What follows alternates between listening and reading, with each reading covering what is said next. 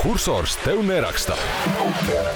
Regulārs tehnoloģiju podkāsts kopā ar Cursors LV. Esiet sveicināti, ko kursors to neraksta regulārā tehnoloģiju podkāsta 33. epizodē, kas tiek ierakstīta ceturtdienas pievakarē, 20. aprīlī studijās mēs Kristaps. Un eh, šai sarunai attālināti mums ir pievienojušies Jurģis Henrijs un Nancis. Eh, Sveiki, Zēni, labvakar! Sveiki! Čau! Čau. Jā, Henrijs joprojām labo zobus, tātad šļupstājs viņš arī šajā epizodē mazliet, bet neņemiet ļaunā, viņš Jā, ir klāt. Un Es atvainojos. nevajag atjaunoties. Skaisti zobi ir burvība. Jā, īpaši, Dīvaini, ka nav priekšroks. labi. Paldies. Īpaši, ka nav apakšā priekšroks. Bet labi, ka to nevar redzēt. Bet tu iedo, tieši tā, tāpēc labi, ka mums ir audio formātā šis podkāsts, un, uh, un pēc tam tev būs uh, skaists, žilbinošs, balts smaids kā tajās uh, filmās.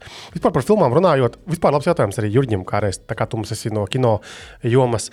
Um, Dažādās filmās, kad uh, nezinu, tur kaut kādu karu filmās, kaut kādu zombiju filmās, tiem aktieriem mēdz būt nenormāli balti, spilgti zobi. Skaidrs, ka tiem cilvēkiem vienkārši ir tie balti zobi, bet kāpēc viņus ne, nemēģina aizmālēt, lai nenozagtu ticamības momentu? Kā, kāds ir tas stāsts? Kāpēc tā notiek? Nu, tas, uh, tas, ir, uh, tas, protams, ir jautājums uh, droši vien ar grīma departamentam, jo labās filmās tomēr mēģina viņus aizmālēt un mēģina uh, uztaisīt uh, ar, ar tādu veidu sakodienu, kāds varētu būt pirms centiem gadsimtiem arī uh, bijis pieejams. Bet uh, tikpat labi nu, mēs pa, pa, paši zinām arī teiksim, uh, pašmājās veidotos vēsturiskos seriālus, kur, kur bieži vien tev nu, kā, uh, daudz par to vienkārši neaizdomājas, un, un, un tad tev tāds žilbinošs porcelāns spīd reizēm. Nu, tā kā, Kaut kādos brīžos, bet, bet principā, principā Grīma departamentam ir iespējams nomaskēt arī zobus un uztaisīt visādus, visādas ērmības arī ar to. Principā tagad tu atbildēji kā Apple. Tu nepareizi to lietot. Nepareizās filmas skatāties jūs. Ja? Nu, tipa no sērijas, jā. Jā, ok, skaidrs. Uh, labi, filmas pareizās, filmas nepareizās, bet uh, mums ir uh, pareizā reklāmas pauze jāizrealizē, lai mēs varam ķerties klāt pie uh, visām pareizajām un nepareizajām šīs uh, dienas tēmām. Tā kā ķeramies klāt šai lietai.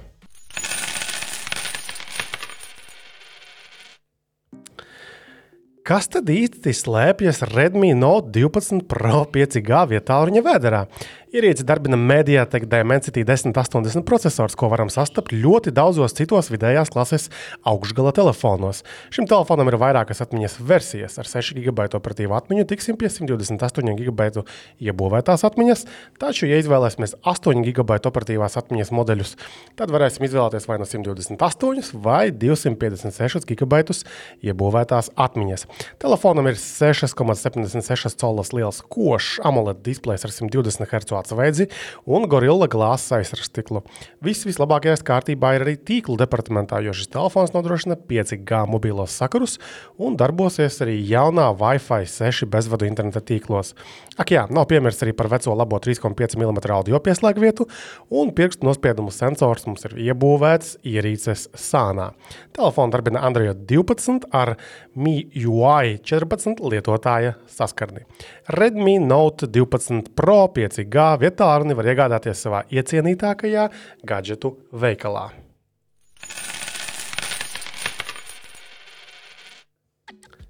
Tālāk.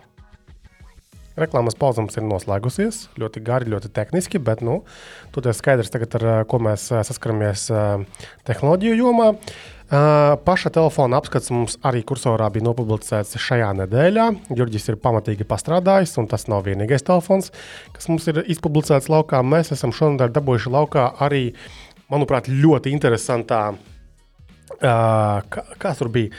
Leno, Lenovo Think Phone by Motorola. Kāds bija tas pilnais nosaukums? Phone by Motorola, tā viņš saucās. Jā. Jā, un Jurģi, tā kā tu testēji to telefonu, varbūt ieskicēji īsumā, kā, kā tas tev prātā palika atmiņas no šī telefona testa. Vai tas tiešām ir tik unikāls telefons pret pārējo konkurenci? Nu, Zini, kā, nu, tur ir jautājums par to, vai vispār ir iespējams šobrīd uztaisīt unikālu telefonu, un, un es stipri apšaubu. Jo uh, lielos vilcienos viņi ir uh, daudz maz vienādi. Un, un, un arī tad, kad es uzsāku viņu testēt, man arī radās tas jautājums, vai tā viņu uh, izveidotā, izdomātā biznesa niša gadījumā nav uh, tāda, nu, tāds uh, vienkārši mārketinga triks, pašmērķīgs. Uh, Pašmērķīgs uh, nišas meklējiens, tā teikt. Bet, uh, bet godīgi sakot, uh, test, testējot to pašu telefonu, man viņš ļoti patika. Patiešām uh, uzbūves kvalitāte superīga. Uh, ekrāns superīgs, baterija laba. Pat neskatoties to, ka viņš izmanto pagājušā gada flagmaņu procesoru, tas norāda vienkārši, cik, cik ir pagājis lai, laiks viņu projektējot. Tur viss, viss strādā lieliski. Un, un arī tas Motorola Redī 4, ja nemaldos, tā viņi saucās, tas savienojums ar, ar Windows datoriem, viņš arī strādāja pārsteidzoši labi. Es, protams, un to es arī apskatā atzinu, ka, ka loģiski, Apple to, to visu ir uztaisījis seksīgāk un, un, un, un, un elegantāk, bet priekš tā, ka sarunājas divas dažādas platformas, Windows un, un, un, un Android, tur, tur strādā diezgan, diezgan labi. Tas, ko vēl es varu pateikt par šo telefonu, uh, Um, manuprāt, uh, viņš ir apzināti mērķēts tam, lai uzņēmumi, tad tajā brīdī, ja viņi, pieņemsim, darbiniekiem pērk uh, Lenovo datorus, ja viņiem ir jānodrošina mobilie telefoni, tad viņi nu, būtu tikai loģiski, ja viņi šo ThinkPhone arī piepirktu klāt un do, dotu darbiniekiem. Tā citādi tādam nu, ierindas patērētājam, vidējam pircējam, es teiktu, ka varbūt ka ir, ir tomēr vērts skatīties citu telefonu virzienā, jo tur ir arī kaut kādi kompromisi, tās pašas kameras un, un, un, un, un tam līdzīgi. Bet no tāda nezinu, uzņēmuma perspektīvas, man liekas, lielisks risinājums. Tur viss ir labi. Tas telefons maksā bez 1 eiro tūkstoti Latvijā, laikam, jā? Vismaz pie kapitāla bija. Jā. Nu, tātad tas nav gluži lētākais. Android tur aktuālais ir? Ja? Jā, Androids ir, ir svaigākais, un man ļoti, la, ļoti patīk arī tas, ko Motorola dara. Viņi, viņi patiešām atstāja viņu gandrīz tīru un uh mhm. -huh. pieliek klāt tikai savas kaut kādas uh, lietas, kuras ir diezgan noderīgas un, un, un, un foršas.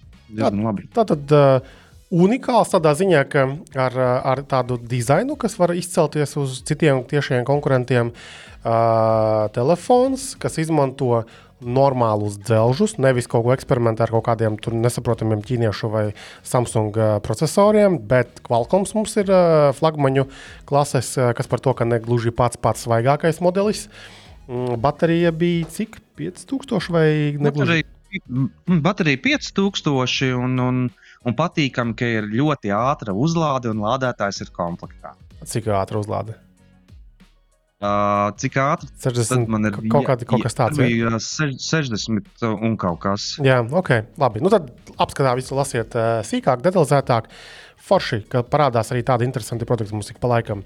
Tad no tādiem, es nezinu, masām pieejamākiem, masām varbūt aktuālākajiem produktiem mums bija gaisā šonadēļ arī Xiaomi Uh, 13 Lite uh, vietā viņa apskats, burtiski šodien vai vakar, kaut kas pavisam svaigs.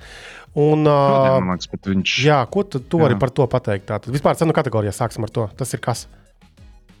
Cenu kategorija par uh, Xiaomi par šo aparātiņu prasa 499 eiro. Uh -huh. Tas mhm. nozīmē, ka tas ir upper midrangers jeb vidējās uh, klases augšgals.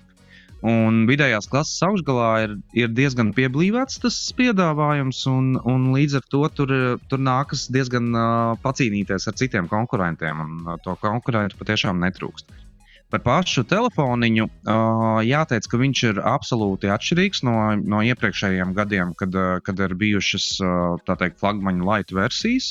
Viņš galīgi nelīdzinās uh, šī gada Xiaomi 13 līnijai, un tur ir viens āķis, tāpēc ka Xiaomi nu, tā viņi dara, ka viņi izlaiž kaudzi ar telefoniem, un bieži vien viņi rebrando viņus. Un šajā gadījumā viņi ir pārsaukuši vienkārši Ķīnas tirgumu paredzēto Xiaomi CV2 par uh, Xiaomi 13 Lite, un tādā veidā viņi tā kā, uh, uztaisījuši viņu globālu uh, pieejamu.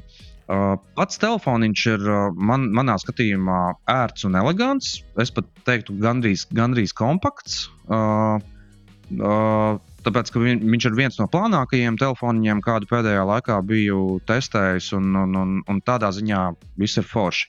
Tiesa gan tas plānums nes līdzi arī dažas uh, lietas. Akumulators ir nedaudz, nedaudz uh, mazākas ietilpības kā, kā citiem. Un, uh, un tur drusku, drusku ir uh, pietrūcis tajā plānumā arī ar uh, dzēsēšanas elementiem procesoram. Tā kā, Tā kā pirkstiņi aizmugurē būs uh, mīļi sasildīti, lietojot šo, šo te telefonu. Nu, tas ziemā būs Bet tā- patīkami.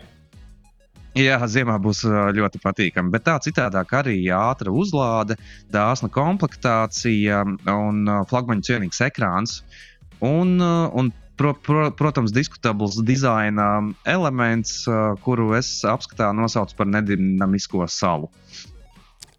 Tas iegrauzums kaut kāds. Ja?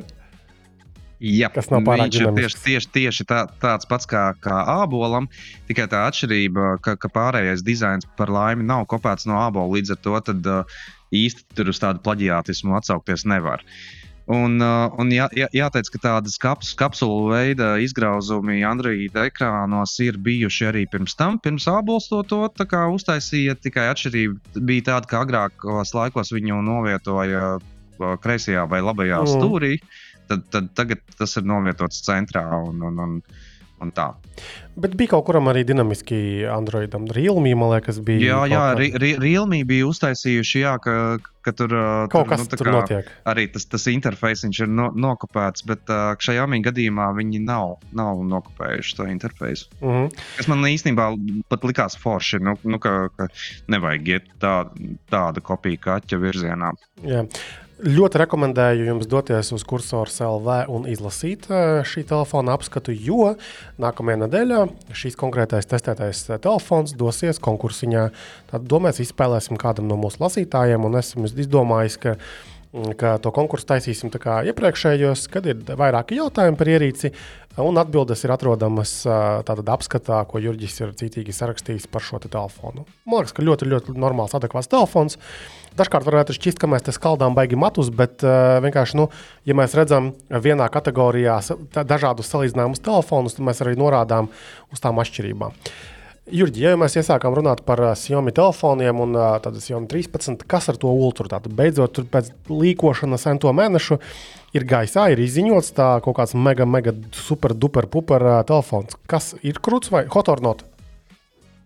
Nu, pilnīgi noteikti hot, jo, jo uh, Xiaomi, uh, ja nemaldos, jau otro gadu sadarbojas ar Leiku, un patiešām tos uh, augļus var redzēt, un, un apskatnieki, ārzemju apskatnieki ir absolūti stāvā sajūsmā arī par 13. sēriju, par uh, Xiaomi 13 un 13 Pro. Jo tur patiešām tā le- leika ir uh, izdarījusi foršus, labus pielāgojumus, un te mēs beidzot uh, uh, 13. ultrā redzam, ka leika ir arī pieķērsies dzelžiem. Uh, jo viņi ir ņēmuši to pašu uh, colas uh, izmēru sensoru, tikai tagad uh, pielikuši klāt vēl um, maināmu diafragmas atvērumu. Un, uh, un kameras ir patiešām, patiešām nu, ļoti augstā līmenī. Un uh, Xiaomi uh, izziņojot šo tālruni, uh, pieteica to kā fotografēšanas ierīci, nevis uh, kā vietālu runi. Un, un viņi patiešām tur ir, ja nemaldos, var, var pievienot arī vēl klāt tādu. Uh, Tādu kā papildus uh, elementu aizmugurē, kur, kur, kur tev ir vieglāk viņā ieķerties, kur tev ir atsevišķa fotografēšanas poga, zūmošanas poga un ND filtru ir iespējams uzlikt uz lēcām. Nu, tur ir diezgan, diezgan daudz, uh, daudz visādas, uh, visādi labumi un, un, un viens no spilgtākajiem ekrāniem pasaulē. un Tur, nu, tur, tur, tur ir Uber alas salikts iekšā. Uh, tā kā uh, nu, specifikācija patiešām ir tāda, ka, ka vienā brīdī. Uh, Samsung Galaxy S23 Ultra var uh, diezgan ner- nervozi sākt stūrītī pīpēt. Bet, uh, bet mēs, protams, zinām uh, Samsung reputāciju, un, uh, un tāpat uh, popularitātes ziņā Samsung, protams, visus uzvarēs. Uh, kas attiecās uz uh, Xiaomi 13 Ultra, uh, uh, šis, ja nemaldos, ir pirmais viņu ultras modelis, kurš, uh, uh, kurš ir uh, globāli pieejams. How much Un, is the fish? ā, Un, un, un, un tas, tas, tas, tas ir patiešām forši, ka viņš nepaliks tikai un vienīgi draugiem ķīniešiem. viņš būs globāli pieejams. Es gan domāju, ka visticamāk līdz Latvijai viņš neatceļos.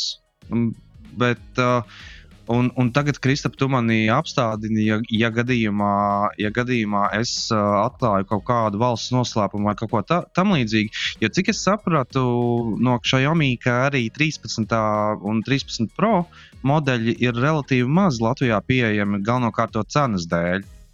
Un, ja man šķiet, ka tas, tas, tas bija iemesls, kāpēc viņi arī neatbrauc mums uz testu. Ne? Es nezinu. Es, Nebija es tā? zinu tikai to, ka es prasīju 13. un mm. uh, man pretī piedāvāja, vai es negribu testēt 13. laitu. Un es teicu, Light. nu, dodiet vismaz laitu, jā, lai mums ir skaidrība ar tās jaunās mm. paudzes. Cena, cena ultrai ir zināma, iz- izziņota vai nav? Cena ultrai pagaidām nav, nav zināma. GSM arēnā viņi tur kaut ko konvertē ne tā, un, un tur pagaidām rādās 800 eiro, kas ir nu, vienkārši nereāli. Bet es pieļauju, ka tas ir vienkārši Ķīnā. Ķīnā viņi tur var palēto viņu nopirkt. Nu, es pieļauju, ka pārējā, Nu, pārējā štukas pasaulē nu, tā, tā, tā cena būs tāpat. Uh, Kā, kā Galaxy S23 Ultra, es pieļauju, ka kaut kāda štuka 400 skatītāji Mm. arī. Nu kaut kas tāds. Bet labi, sagaidīsim, un tad, tad, arī, tad arī būs uh, skaidrība par to. Uh, labi, um, telefoni, lai viņi pastāv tagad maliņā, uh, nervozi papīpē, uh, parunāsim par uh, raķetēm. Tātad šodien beidzot uh, Elmusko kungam izdevās um, uh, raķešu ziņā vismaz kaut kas. Tātad uh, raķete, kā to sauc, uh, Starship, tātad ir pasaulē lielākā un jaudīgākā raķete. 120 metrus gara, ā, 39 dzinēji. Un tātad šo dzinēju jaudas ir pietiekami, lai nogādātu līdz pat 165 tonnām smagu kravu līdz Zemes zemējai orbītai. Ā, Tātad viņiem bija paredzēts vispār jau pirmdienā šīs raķetes tests, taču tur kaut kas nogāja greizi, kaut kāds vārds bija aizsalis. ā, Tad tika pārcelts, un tad visbeidzot šodien, tad 20. aprīlī, liekas, ka pēcpusdienā, kaut kādā 16.30. jā, es redzu, pēc Latvijas laika, izdevās pacelties kaut līdz kaut kādam augstumam. Tur viņi tika, bet laikam bija problēma ar atdalīšanās fāzē, un kaut kas tur nogāja greizi, un tad nācās uzspridzināt pareizes. Uh, pastāstīju, kurš skatījās? Skatījās kāds no jums? Es paskatījos ar vienu aci tiešraidi, bet uh, es, man bija jāpieiet pie telefona. Un, un, un es to uzspridzināšanu neredzēju, bet izskatījās, jā, ka tur viņiem, uh, viņi tur pāris reizes vai vienu reizi, drusku, drusku uz pāris minūtēm, burtiski pāris minūtēm atlika to startu. Uh, Tad viņi diezgan veiksmīgi uzšāva augšā un pēc kaut kādām pāris minūtēm. Tad, tad es tiešām atslēdzos, man nebija pēc tam mirklis apskatīties. Bet laikam viņi ir uzspēruši Tur gaisā. Jā. nekas vairāk nebija. Jā, tur, uh, man liekas, viņiem uh, nevarēja. Nu, es Atdalīties, skatījos, viņi gribēja atdalīt to lielo dzinēju no tās raķetes pašas. Jā, tur Tur rādīja- griezties. rādīja iekšpusīti tai raķetei, jā, un gaidīja, kad atdalīsies, bet laikam neatdalījās. Un kaut kas tur viņiem, uh, ma, vismaz tas, ko varēja redzēt, uh, man liekas, mēs kaut kādus New York Times uh, šo streamu skatījāmies, jau kaut ko tādu. Vismaz es. Un padalījos ar kolēģiem, kursus ar kolēģiem. Un, un, un man izskatījās, ka viņi tur nu, lēkāja, un tad viņiem kaut kādi šie dati sajuka prātā. Izskatījās, ka tā vai arī, nu, vai arī tā bija, ka viņi noguldīja to raķeti nu, horizon, nosacīt horizontāli pret, pret zemeslodi, un kaut kā tad, tad viņi uzspēra gaisā. Nu, grūti pateikt, bet nu, uh, mēs, mēs jau tur chatiņā paskatījāmies. Izskatās smuki, bet uh, neviens nav īsti sapratis no mums to nozīmīgumu. Nozīmīgi, jā, bet uh, ko tas mums tieši dos? Nē, nē, nu Varbūt kā? vienkārši ne, nevajag piedirst esošo zemeslodi, nu, Nu, draugi. Tur taču ir jā, jābūvē civilizācijas turpinājumi uz citām planētām, kaut kur tur kosmosā, taču uz to mēnesi jāved tas eh, 4G eh, mobilā sakura ekipējums, par ko mēs runājām. un Tāpēc vajag šos tik rāves lidmašīnu, nu, lidmašīnas, Viss ir, viss ir baigi forši, bet es paskatījos arī šodien, uh, ir uh, kaut kādas uh, softiņi, kas spēja emulēt uh, dažādus uh, šos te procesus izplatījumā, un, un, un bija Džeks nosūtījis ūdens bumbu. Ūdens, nu, ūdeni vienādi sakot, lielu, lielu ūdens masu uz Marsu, uz to Marsa dziļāko dziļvāgu. Es nezinu, kā viņi tur sauc precīzi. Un viņam diezgan ātri sasala viss tas ūdens uz Marsa. Tur nemaz tāda tā jautrība nav. Nu, bet tieši tā. Faktiski, tā, precizitātei sasala vienā Marsa pusē. Otrā pusē tas ūdens nemaz nenonāca. Iedomājieties, cik to granulas ir jāizsūta, lai varētu normāli apkurināt to Marsu. Tieši tāpēc arī ir vajadzība pēc šādām lielajām uh, raķetēm. Un tāpēc ir labi, ka uh, vismaz šis maska bizness ir uh, kaut cik jēgpilns. Labi, Šeit es, šeit es skatījos atkal uh, YouTube, kas ir mans mīļākais izziņas avots un ko es pieņemu par absolūtu taisnību. uh, Ka bija runa par uh, šo te komētu, asteroīdu mainošanu, jeb šo derīgo iz, iz, iz, izraktiņu ieguvi, ka faktiski tādi diamanti visiem ir pie vienas vietas. Nu, ja tu nogāzīsi tādu diamantu uz, uz zemeslodes, tad tur ā, sabruks visi tirgi, un tur diamanti kļūs nevērtīgi, un viens otram kāzās tur sāks pirms kāzām dāvināt, nezinu, tur koku klucīšus ar latviešu, koku sūdiņu latviešu rakstiem vai kaut kas tāds. Bet ā, ka šī te, ā, kosmiskā mainošana vairāk attiecās uz tieši uh, ūdeni, jeb šo nu, ledu, ka to, ja to izdodas novirzīt tajā virzienā, kur vajag uz mēnesi vai uz, uz, uz, uz uh, šo Marsu, nu, tad, vot, tad tā ir tā liktīgā ģēla, kur, kur var dabūt to. Nu, piķi, bet, nu, piķi, protams, samaksās ķīnieši vai amerikāņi, vai kas nu to brīdi būs pie varas, vai ziemeļkorejieši. To es nevaru pateikt. Vai latvieši, protams, bet uh, nu, tas, tas ir tas nevis zelts un diamanti, bet uh, ūdens un es nezinu, ko viņi vēl tur var iegūt. Jo cik tad reizes tu uz riņķi attīrīsi urīnu, lai dzertu to vēlreiz? Aha. Nu, gan jau būs jāiemācās. Bet, ja drīkst iesarpināt jūsu gudrībām un Anča izpētē par uh, kosmosa zeltu, tad uh, man jau liekas, ka diezgan big deal, jo es vispār kādu laiku neko nebiju dzirdējis, ka viņi kaut ko dara. Un, uh, man, uh, man liekas, ka viņi veiksmīgi palaida, un uh, tas, tas forši. Man liekas, ka domāju, bāc, bet viņiem nauda arī ir, lai palaistu reāli. Tad viņiem iet SpaceX pats par sevi, Starlinks, lai viņš šo visu uzturētu joprojām. Jo Nu, tur būt kādā amerikāņi piešpricē. Tur amerikāņi piešpricē šitam projektam, manuprāt. iet ar to NASA, lai viņi uz mēnesi nolaistos. Nē, šitais iet droši vien no Cybertruck pirmajām iemaksām 100 eiro, 100 dolāru apmērā. Nē, bet tiešām interesanti, jo es tā aizdomājos, ka nu, tur tas dārgi maksā, kaut kur tas jāfinansē. Ir. Bet nu, mums vajadzētu paklausīties tur tās tiešais, ka viņi tur čīro visu baigi kaifo katrā ziņā.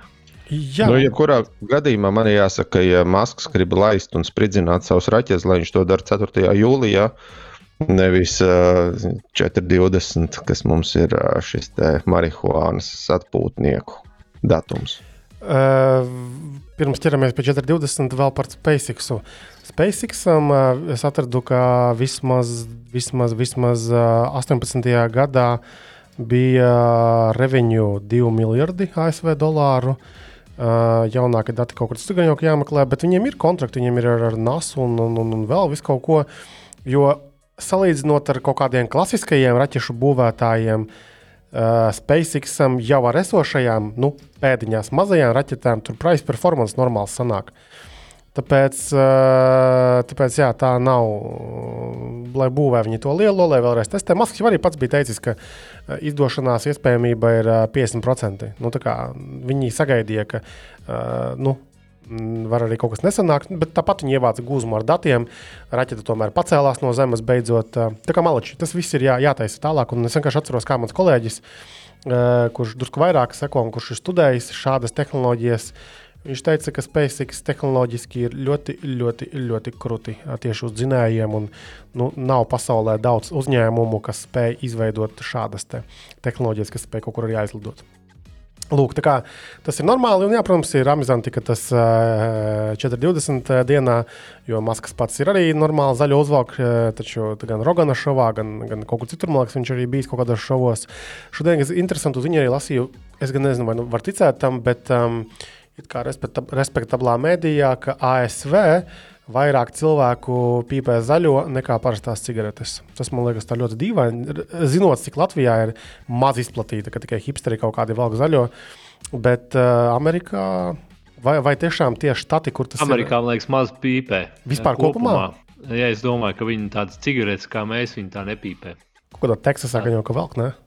Nu, tas ir labi, nu, bet ir vēl pār, pārējie 50 plus štati. Tā kā es domāju, ka viņiem tā pīpēšana nemaz nav tik izplatīta. Nu, plus noteikti daudz ko maina tas, ka viņiem ir tie štati, kuros ir legalizēta visa šī te zaļā padarīšana, un uh, tur jau tu normāli var tikt klāt un, un, un darboties. Bet, nu jā, Latvijā līdz tam mums vēl ir jānotiek. Es domāju, ka tas tiksim mēs līdz tam arī. Starp citu, Jā. man, man tikko Čoms uh, stāstīja, ka viņš ir bijis Kanādā, Vankūverā, un uh, tur savukārt viņi esot legalizējuši krēku. Un, un, un, un, un visu kaut ko tādu. Un tur tas iemesls ir, uh, ir, uh, ir Droši vien ka- dekriminalizējuši, ne? Būsim dekriminalizējuši. Jā, jā, jā. Protams, pā- pārteicos. Paldies, ka palaboji. Uh, uh, viņi ir uh, jā, dekriminalizējuši krēku, bet uh, tas iemesls ir tāds, ka tur uh, tā pārdozēšanas mirstība bija tik augsta, ka viņi vienkārši netika galā ar to. un Viņi saprata, ka šādā veidā viņi var izglābt uh, vairāk cilvēkus nekā, nekā tajā brīdī, kad uh, viņi kaut kur slapstās un, un, un, un pārdozē. Mm. Nu, Labi. tā kā mums te bija Jelgavā, vai kas tur bija, kur jaunieši bija. A, Tur kaut kāda cita raza viņiem bija. Ne? Nu, vienalga, nu, ko tu patērē un no kur tu, tur uznāk tas uh, mazs sirds, mazs spēja, vai es nezinu, kas tur tev notiekās. Mēs Ranci Nu, ja, ja tev ir baile, ja tev ir baile pazvanīt ātrajiem, nu tad uh, čau kakao. Ejam. Ko, jūs, ko jūs testējāt? Ko jūs testējāt? Uh, mēs testējam Ksijā, Omi un Un šad un tad, neko mēs nesam un šad testējuši. un tad lenteņu kāvējus. Vai kā viņi sauc to dzē- padzērienu, dievu dzērienu. Parasti tas Tad, ir jā, pēdējais es, vakars. es, es teiktu, ka tas ir vienlīdz, vienlīdz briesmīgs. kā kreks. Tikai šķidrā veidā. Nu, tur tas, jā, jā, mortus exitus var arī pienākt diezgan strauji. Jā, labi. Tagad uz pozitīvākām tēmām. Es redzu, ka Ansim ir atzīmēta tēma ar nosaukumu Reliģiskais bios update fanātisms. Ko tu gribēji ar šo tēmu pateikt? Tā man tika pārmests. Pilnīgi oficiāli man ir screenshots uztaisīts droši vien. Ka Kristaps man pārmeta reliģisko, un es citēju, reliģisko bios update fanātismu. Droši vien arī te bija iecerts droši vien kaut kāds cits update fanātisms. Bet, um, nu jā, nu, ja, bet mēs, mēs beigās vienojāmies, kā, kā jau mēs noskaidrojām iepriekš, viņu jaņu mēs noskaidrojām. ka- Stāsti, vai? Nu, nu kā, nu stāsts, nu tu saņem datoru, tev ir uh, tomēr jāapdei to uz svaigāko, ātrāko, veiks, veiklāko un tā tālāk. Nu, tas nevienmēr notiek tik, uh, nu, tik uh, gludi. Parasti gludums uh, ir, bet uh, dažkārt gluduma nav un gludums šoreiz nebija. Tādēļ, ka ražotājiem nebija lapaticies apdeitot vai, vai savu lapu vai kaut kādus savus ekseļus, kas tur stāv lapā aizmugurē. Nu, vienkārši apdeits bija jāpaņem nevis no, nevis no kompja kopā salicēja lapas, bet no sistēma plats ražotāja lapas. Bet, nu, pf, es nezinu, tas nav, nav jau nekas traks. Bet- Bet eh, stāsts ir par, par to, ka ikdienas eh, tāds eh, parastais lietotājs, kas, kas pats droši vien nu, tāds lietotājs, kas varbūt nav salicis savu datoru savām rociņām pats, nu, viņš, jau, viņš jau neies un neskatīsies, ko tur gigabaits vai, vai ēsroks vai asus vai citi šie gudrinieki ir uh, ielikuši kaut kādus jaunos bios updates. Tas ir viens. Un otrs, nu, jebkurš bios updates, sistēma plats bios updates, uh, nu, droši vien ir jāuzskata, ka ir pa, tiek pavadīts ar savu veidu kaut kādu nu, bīstamību, ka tev tas kompjuters nepamodīsies pēc tam. Un tikai dārgās sistēma plates ir tās, kas, kurām ir tas duālais bios vai iespēja atjaunot biosu, nu, ja tur viss aiziet pakaļā. Jā, tagad klausītāji paceļ labo roku tie, kas regulāri atjaunina saviem datoriem biosus, un paceļ kreiso roku tie, eh, kuri. Kas? Čiko? Nezinu, kas tas ir. Jā, jā. Viens, divi, trīs. Un- Jā, balsojums pieņemts. Bet, nu, jā, mūsu gadījumā, testējot ierīces, tiešām tas ir tas, ko mēs darām. Un šeit mēs nonācām līdz vienai ierīcei, kur nebija līdz galam ar tiem apgādētiem kārtībā. It kā jau neko nemaina, bet no otras puses, tu kaut kādā brīdī vari atdurties pret kaut kādām lietām, kas vai nu sliktāk darbojas, vai nedarbojas. Tāpēc vienmēr ir nu, vismaz pro programmatūrai jābūt atjauninātai. Starp citu, vēl runājot par kaut kādām lietām, kas nedarbojas, mēs tagad testējam to ā, 4070 uh, GeForce jauno, kas tika izziņots pirms nedēļas, divām, kaut, kaut kad pavisam nesen. Uh, un, uh, un, un, un tam mums bija problēmas ar vienu benchmarking uh, rīku, kuru 3D markas Ja? Nē, problēmas bija diezgan daudz. Nu, nu, bet uh, man jāsaka, tā, sāksim, sāksim ar atrunu. Ka ir, uh, mums ir nācis klāt jaunais Samsung uh, 990 Pro SSD, kas pats nav bez problēmu izstrādājums. Uh, mums, laikam, nekas cits jauns klāt nav nācis, ja neskaita šo te 40, 70 bez TI uh, video karti no Nvidia. Un uh, bija kaut kādi pāris, burtiski pāris, divi, lai nebūtu pārpratumu. Uh, dīvaini restarti pēc šīs video kartes ievietošanas datorā. Un uh, 3D marka uh, šis sintētisko, mm, sintētisko benchmark, so, benchmarku softs laidās nu, ļoti negribīgi, un pie katra šī pie katra benchmarka palaišanas nācās uzgaidīt nu, kaut kādas pāris minūtes, kas arī ir divas vai trīs minūtes, lai nebūtu pārpratumi. Nu, kaut kas tāds nav redzēts, bet nu, pārējie spēļu, spēlēs iebūvētie šie benchmarki aizgāja ok.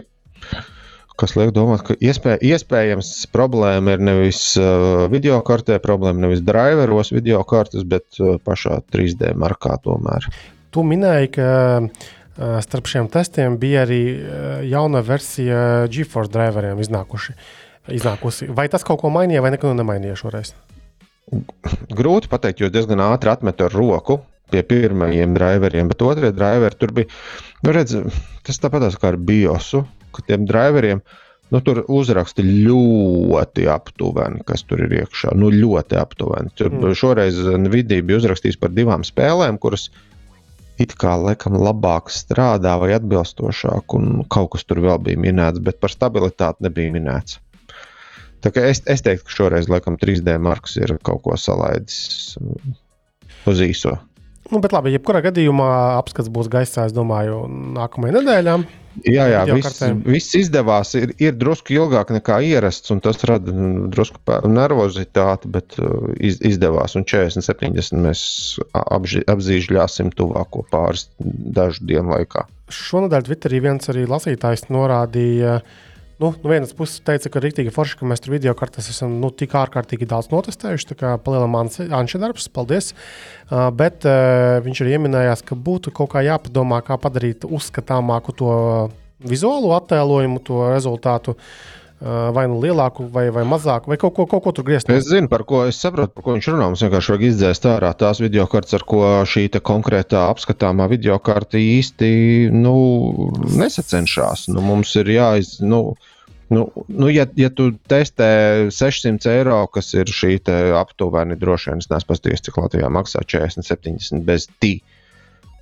Video karte uh, nu, ir jāizdzēš ārā tādas, kuras ir tur kaut kādas 10, 80. Uh, Es kā reiz ir domāju, ka nevajag. ārā uh, radeoni, ir jāizdzēš ārā švakie kaut kādi Nevajag. uh, inteļi. Nevajag. Nu, nevajag. nu, nu, vot, nevajag. Tu Zini, saki, kāpēc? nevajag, bet, Zini, bet kāpēc? tas, tas, tas, tas, tas, ko Excel izdod ārā, Zini, kāpēc? Bet- Zini, kāpēc? Tāpēc, lai cilvēki sūdzētos un būtu daudz komentāru. Nē, droši vien. nē, nē, nē. Iedomājieties, cilvēkam ir mājās nezinu, tur 10, 80 uh, GTX kaut kāds. Un uh, ot, gribētu beidzot, beidzot nomainīties uz uh, aktuālo, un tad vienkārši nu, par cik tad uh, papagaļiem skaistāka dzīve paliks. Uh, nomainīties uz kādu. Jā, tas ir, uh, tas ir ļoti cēli un bruņinieciski. Un baltais karoks pa priekšu iet, vai es nezinu, baltais karoks, padošanās karoks, bet nu, kaut kāds karoks tur iet pa priekšu. Bet, ja tas Excelis visu to attēlo vienā lielā šļurā, kas nav īsti uh, nu, atšifrējama vizuāli. Un, un WordPress, uh, visi šie pretīgie plugini tur visu paņem un vēl kaut kā samazina un, un, un optimizē, kā pie mums saka. Nu, nu, tas nav ok. Labi, šo jautājumu mēs atrisināsim uh, kolēģiāli, vienojoties par kaut kādu uh, risinājumu, kas apmierina visas iesaistītās puses, un uh, tas būs sakārtots. Tālāk, uh, vēl uh, es manīju šūmēšanos par YouTube Vansed. Tas ir tas uh, pirātu lieta, kas kaut kas ir beidzies, tas viss uh, haļāvā vai, vai kas tur notika šonadēļ? Tā, tā tagad tie, kuri nepiratē, tie var slēgt ārā. Jā, Ai- aizliekam Vai, vai balsis, no, vienkārši noklusi, noklusināt, neslēdzam ārā, vienkārši apklusinām šo raidījumu kādu mirklīti. Uh, tātad YouTube Vanced ir tāds uh, diezgan avansēts rīks, ar kuru tu vari skatīt, varēji skatīties un klausīties uh, YouTube ar visu šo Google loginu. Tu varēji laikot, tu varēji pierakstīties pie kanāliem un visu kaut ko tādu darīt, bet vienlaikus tu neskatījies uh, reklāmas, kā nu, gluži tieši tāpat kā to dara uh, šie YouTube premium maksas lietotāji. Ah, un, uh, diemžēl kaut, kaut kas ir pamainījies droši vien YouTube pusē, jo Vanced uh, piekrita aptuveni pirms gada. Es, es neapskatījos, cik tur, cik tur sen, bet no aptuveni pirms gada viņi piekrita vairs šo projektu uh, nebīdīt tālāk. Šis projekts ir, um, um, ja nemaldos, tikai Androidam. No iOS tas taču nebija, un, un, un, un, un Windowsiskajiem un pārējiem datoriem arī ne. Bet par ko ir runa? Tātad uh, YouTube savā, savā pusē kaut ko ir visticamāk. Es tiešām neesmu sīkāk pētījis, kaut ko ir pamainījusi. Un uh, YouTube Vanced, softiņš, pirātiskais, jā, droši vien jāsaka, pat pirātiskais, ir uh, vismaz video galā pārstājis rādīt video. Uh, kaut kādi šorti gāja, YouTube mūzika, uh, pirātiskais gāja, bet nu, Vanced ir izbeidzies. Es pat patestēju, ir uh, vairāki, vairākas tādas, varbūt sauksim par alternatīvām, kuras izmanto tikai. Mm, nu, tu nevari ielogoties savā Google kontā. Sakot, tu vari no, no Google izkopēt ārā savus abonētos kanālus, uh, bet tas arī ir viss. Un, un, un, un, un tu vari paskatīties abonētos kanālus, bet uh, Tā problēma ir tā, ka tev rādās tavam reģionam, izvēlētajam reģionam, no atbilstošie populārākie video, kas Latvijas reģionam ir pilnīgs sūds. Es atvainojos, tur ir kaut kāds Krievijas reģiona video, nu tur ir pilnīgs kreizī. Un tad tev nerādās visādi ieteiktie video un tā tālāk. Nu, es, es nesaukšu tos alternat, tās alternatīvas, viņas neatceros pat godīgi sakot, es iztestēju trīs.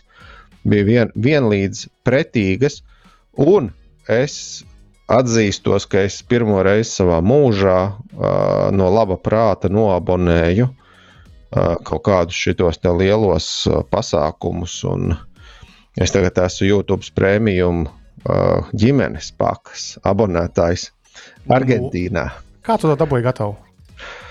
Uh, Nu, man, man telefonā mm, bija vienkāršāk. Es uzstādīju VPN nu, kas saucās Mhm. kaut kāds uh, White Hats vai kaut kas tāds.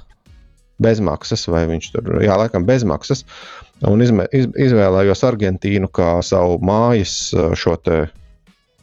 Nu, kā, kā, es izvēlējos Argentīnu, es, es dzīvoju Argentīnā šobrīd. Un iegāju caur uh, tīmekļa pārlūku telefonā, vietā runī. Uh, e, ie, nezinu, Google es ierakstīju YouTube prēmiju, un man pirmais um, aiziet. Parādījās, tur bija tā Argentīnas, kas viņiem tur nezinu, tur rūpīgi vai vāns, nezinu, kas ir.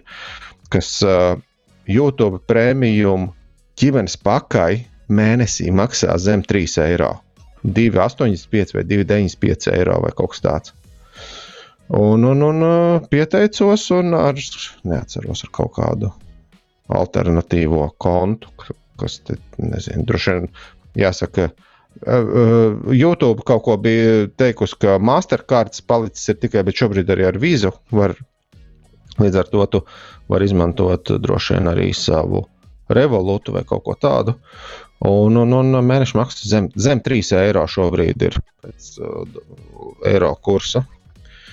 Un uh, nekāda problēma. Tev vajag tikai izvēle, iebakstīt kaut kur Google mapos, izvēlēties kaut kādu adresi Argentīnā. Tas arī viss. It kā laikam bija bišķiņa lētāka Turcija vai kaut kas tāds, bet es nevarēju atrast ātrumā uh, VPN priekš Turcijas. Un, Jā, nu, kaut kā tā. Pagaid, bet Bet labi, ko tas nozīmē praksē? Praksē tas nozīmē to ka, ja tu, ja tu, Nē, nu tu izmanto savu Google kontu tu tikai apmaksā tā, it kā tu dzīvotu Argentīnā. Ja tu dzīvotu Eiropā, tad tas izmaksātu daudz. Labi, bet tu tad atslēdz to VPN. Nezinu, tu tagad, tur 12, 15 eiro vai kaut kas tāds. bet labi, tu atslēdz to. VPN, tad tu vari vienkārši iet pēc tam. no Nē, viss pēc tam, viss pēc tam tu aizmirsti par to.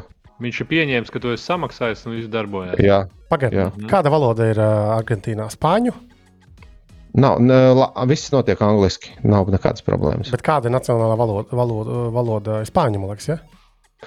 Nu, piedod, es uh, šajā mirklī to ar to nesaspringu pārāk. Droši vien iespējams. paga. Portugāļi, spāņi, angļi, nezinu. Man vienalga. Pagaid, sekundi. Mi nombre es Ansis y ahora estoy usando el paquete familiar premium de YouTube. Soy una gran polla.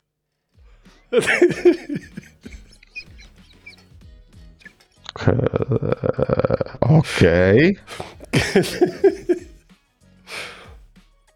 Nu, tālāk, jā, tas bija īsumā par um, Anšā skaistiem piedzīvojumiem Salēnē, Argentīnā. Jā, bet ne- nevajag baidīties izmantot uh, dažādas, vairāk vai mazāk uh, legālas opcijas, lai drusku ietaupītu naudu. Man liekas, ka es, es, es tiešām nezinu, cik maksā Eiropā uh, šis te 10 ģimenes paka. Ah, ģimenes Ģimenes paka. Individuāli Jā. maksā kaut kas ap 10 eiro mēnesī.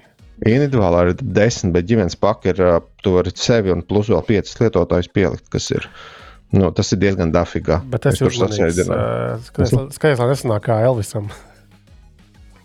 Kāda brauc ar, ar zilajām ugunīm? Nē, kad Twitterī sākam uzrakstīt, un pēc tam atbrauc. Kaut kā viņam bija Nu, bilde, ka viņam kaut kāds busiņš bija piebraucis pagalmā. Uh, tad, kad epizode podkāstā gāja gaisā tajā dienā. Starp citu, Jā, Jurķis varētu Nu. no. pastāstīt par, par savu šito te, kur viņš uz savu dubļainā ceļa noķēra Google šito te aparātu, kas viņu fotografēja. Tu, tu, tu Lanci, izbojāji pārsteigumu, jo es gribēju tieši teikt, ka Kristap, man te ir uh, izdomāts pirmais jautājums uh, Xiaomi 13 Lite uh, konkursam. Kādu īpašu mašīnas ar Xiaomi 13 Lite no, no Jā, bet paklaus, šo jautājumu mēs varam atstāt ekskluzīvi kā uh, podkāstu jautājumu. Ka šis jautājums netiek iekļauts kā no uh, izlasāms kursorā, bet uh, dzirdams tikai podkāstā.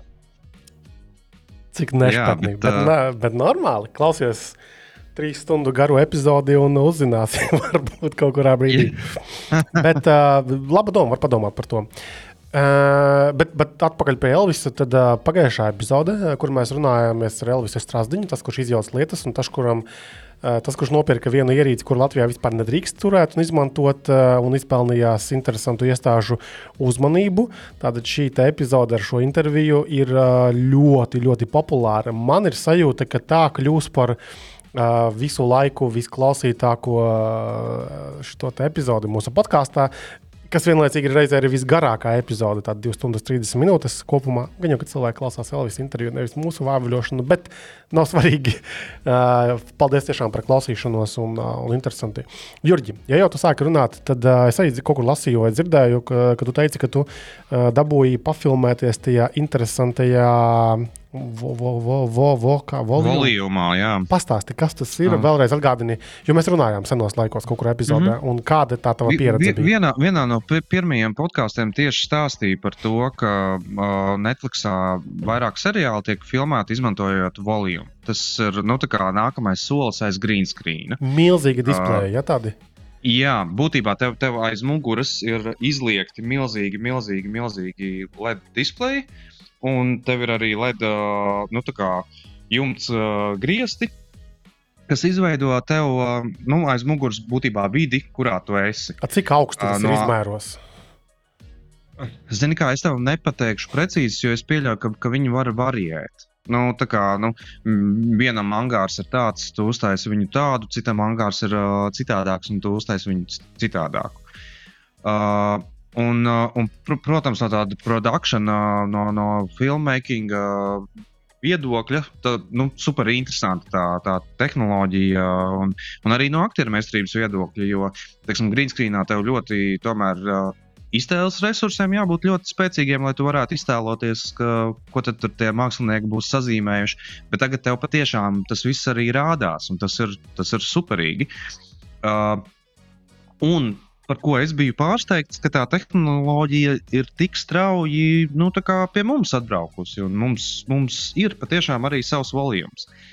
Uh, protams, jautājums, vai, vai, vai, vai tur tie izmēri atbilst visam un, un, un tam līdzīgi, to, to tik smalki es nemācīšu teikt.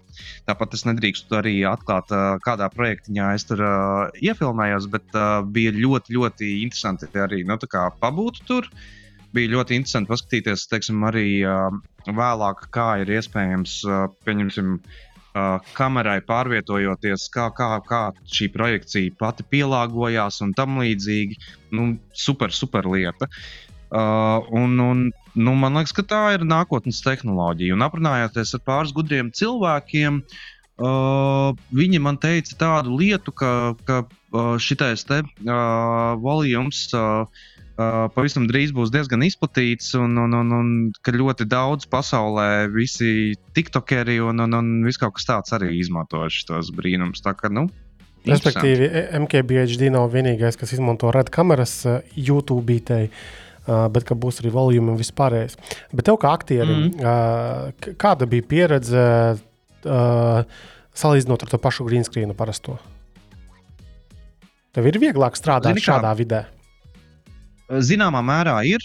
Uh, tev ir nu, nedaudz, tā, nedaudz tie, tie iztēles uh, resursi, tev, tev nav, nav tādi jāiegulda, kā, kādi tie ir ar green screen. Uh, bet, prot, protams, tev ir nu, jāpierod, jo teiksim, uh, kat, katrai videi, protams, ir, ir sav, savas. Uh, savs izgaismojums, un tad tev ir jāskatās, kā, kā, kā, kā, tās pašas acis un, un, un kā tas pats ķermenis reaģēs. Jo es zinu, ka uh, man vienā brīdī jau sāka no, no tiem lediem arī bija šilierēties, kas arī nu, normāls blakus efekts. Kas siltums tur ir? Bet, uh, kas? Siltums ir no viņiem kaut kāds vai nav īsti tā problēma?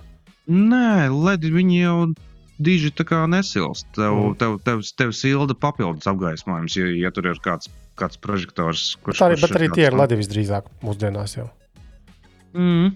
A, tu paspēji piedzīvot laikus uh, savā aktiera karjerā, kad bija nu, tās karstās saulītes. Visi, jā, jā, jā, saulītes. Saulītes, uh, nu, saulītes akurāt, uh, teiksim, uh, kino, kino laukumā laikam neesmu piedzīvojis, bet, bet teātrī tāpat tie, tie, tie ledi ienāca drusku vēlāk, un, un es zinu, ko, ko, ko nozīmē tad, kad tu mācies. Ļoti vecā un ļoti caurā fakultātē, kurā ir super, super augsti. Nu, ko, ko, ko darīs, lai sasildītos, uh, ieblēzīs visus prožektorus. Nu, tā, kā, nu, nu, tā, tā mēs esam darījuši. Protams, vecajā zirga pastā. Nu, redz, kā.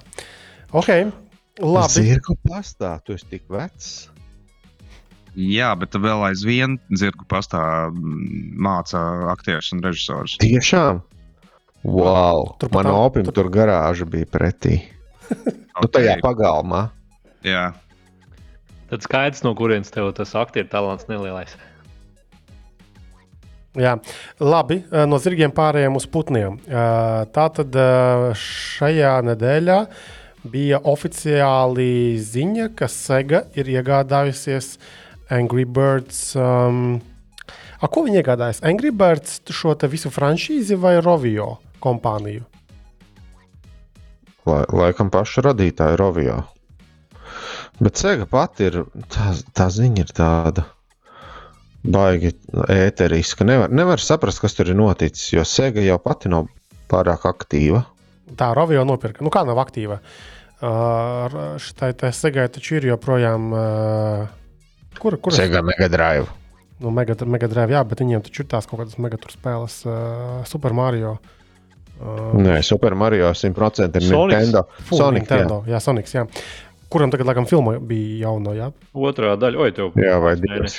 Jā, bet drusku par datiem. Tātad uh, Sega jā, tiešām nopirka Rovio, tādu somu kompāniju, kas veidoja šo Angry, Angry Birds uh, franšīzi, un uh, tās pirkuma summa ir 776 miljoni ASV dolāru. Uh, lai saprastu kontekstam, vai tas ir daudz vai tas ir maz, gribētos piezīmēt, ka 2019. gadā Activision nopirka Candy Crush veidotāju King par aptuveni 6 miljardiem ASV dolāru. Un tad varētu likties, ka nu, jā, nu nav baigi daudz.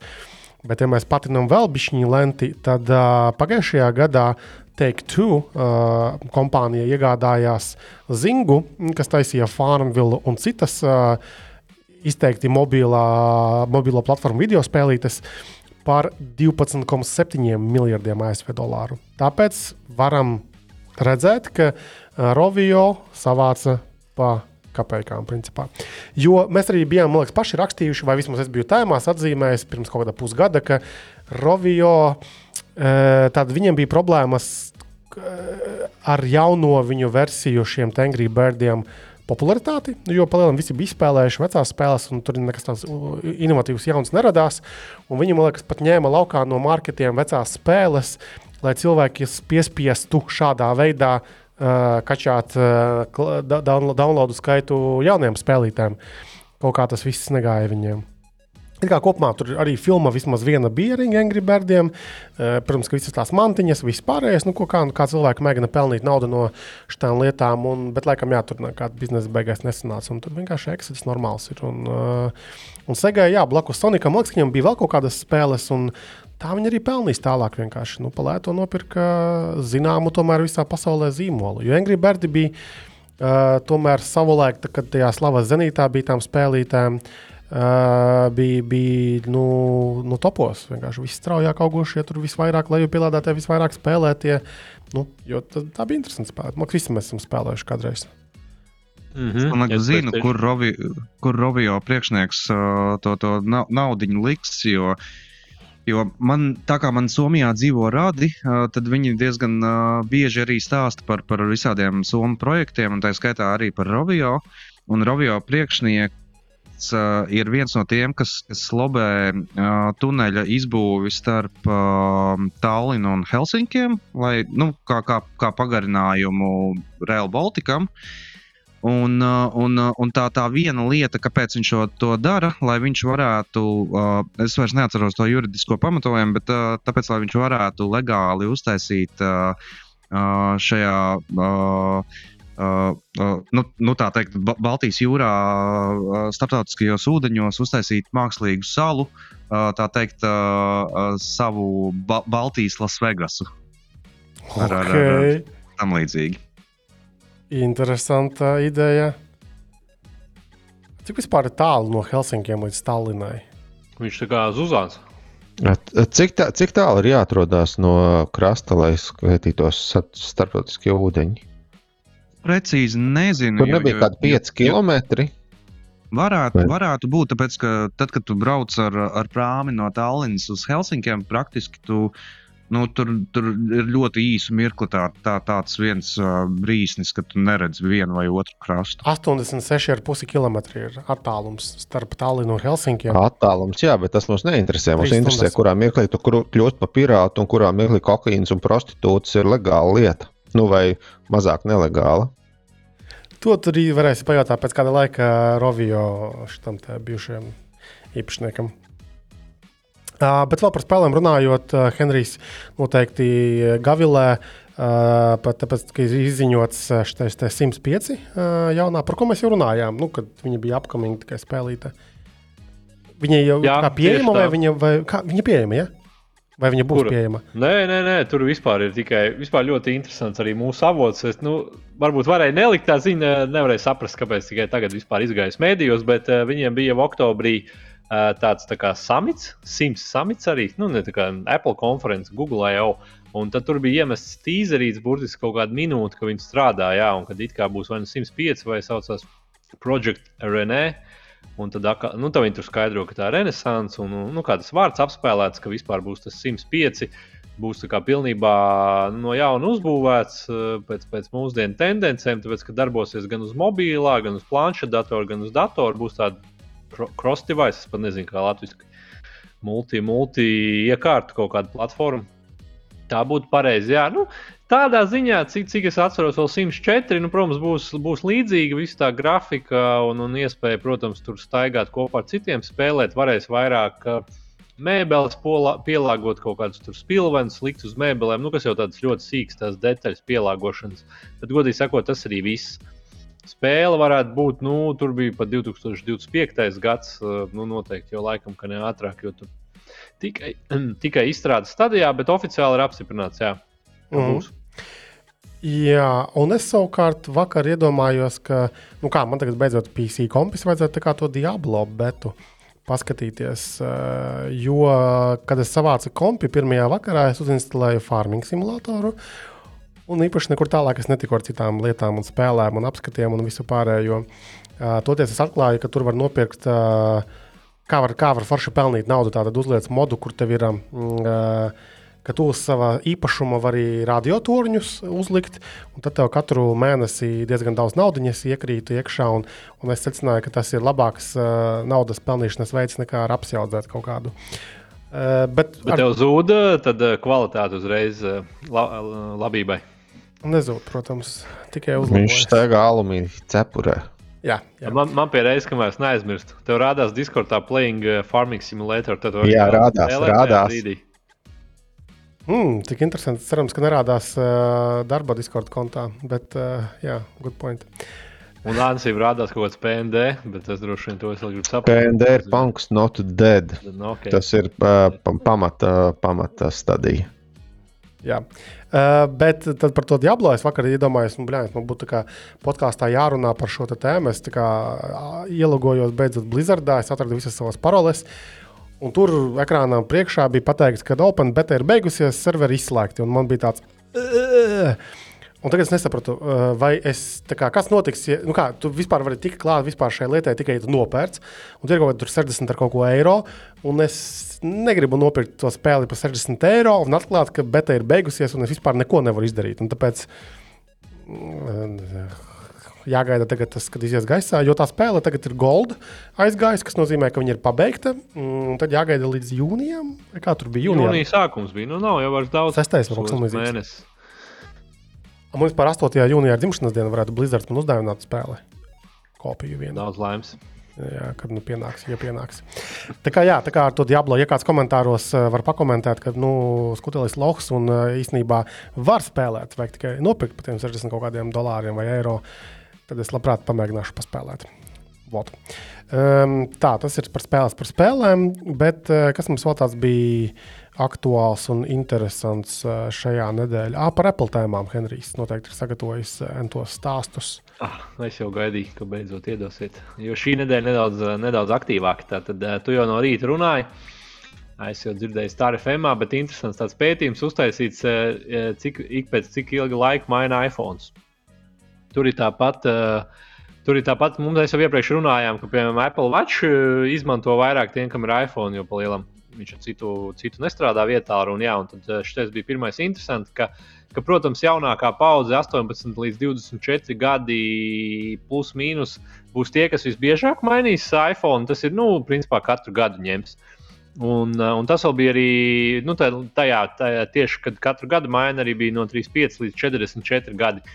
Bet tas plus mīnus ir kaut kāda 10-13%. Jā, tā kā īstenībā katru gadu iPhone nemaz nemaina tik daudz, arī skatoties vispār kopumā. Tad, protams, tāda normālāka robeža jau bija viens līdz diviem gadiem vai divi līdz trim. Nu, tad tur mainījās pa vecuma grupām, piemēram, 25 līdz 34. Tad tur būs uh, starp diviem un trim gadiem. Nu, tas, tas, ja, nu es tā saprotu, jā, tas ir katru otro vai trešo iPhone, tu lieto tajā robežā. Nu, protams, jau paliek vecāki, jo tad. Uh, ar vien uh, vecāku telefonu, bet nu, tad jau aiziet tā plūsma, ka, protams, tev, tu, atdod, tu paņem jauno, un pirms vecākiem vai bērniem atdod uh, iepriekšējās paudzes modeli. Tā kā tas tā droši vien nekas pārsteidzošs, bet uh, interesanti ir dati salikt. Un principā jau tur starp gadu un trīs un vecāku tur burtiski katra trešdaļa tur sadalās. Tā kā tāds uh, iPhone. Uh, un, iPhone un seniori, tad, uh, ko saņem, to lieto līdz, uh, līdz uh, galam. galam. Ierīces vai uh, savam varbūt.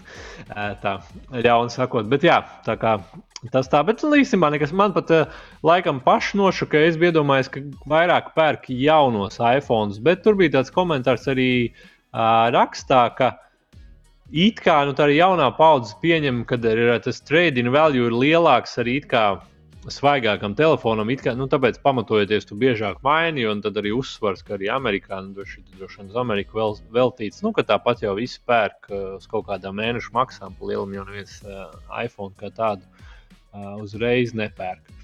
Nu, tāds bija viens no tiem komentāriem. Nu, savu loģiku tur ir, bet tas jau aiziet, nu, baigais, baigais cikls apgrieztais. Jā. Tad šajā pašā kontekstā bija ļoti interesants pētījums veikts, cik, patē, cik cilvēki pavadīja pie ekrāniem. Nu, vispār ļoti, ļoti interesants. un kur pirmajā vietā bija Filipīnas, tieši pie telefona ekrāniem vietā ruņa. Un tad viņiem bija 5,5 stundas. Uh, tas ir, uh, bet tur interesanti bija likts pret dienas nomodu laiku. Es tā pareitināju, ka pret 17 stundām. Jā. Jo kaut kur rēķinās, tātad, kad miegs 7 stundas, jā, tas, tas tā ir interesanti. Un, piemēram, vi, vispār vidējais bija, cik mēs pie ekrāniem vispār visi, pie, visa pasaule bija 6 stundas, 37 minūtes. Tas ir portatīvie datori un datori. Uh, nu, Eiropā, Eiropa bija kaut kur pa vidu, un tur arī bija visvairāk bija Dienvidāfrikā, Brazīlijā, Filipīnās, Argentīnā. Tur bija pārpa 50%.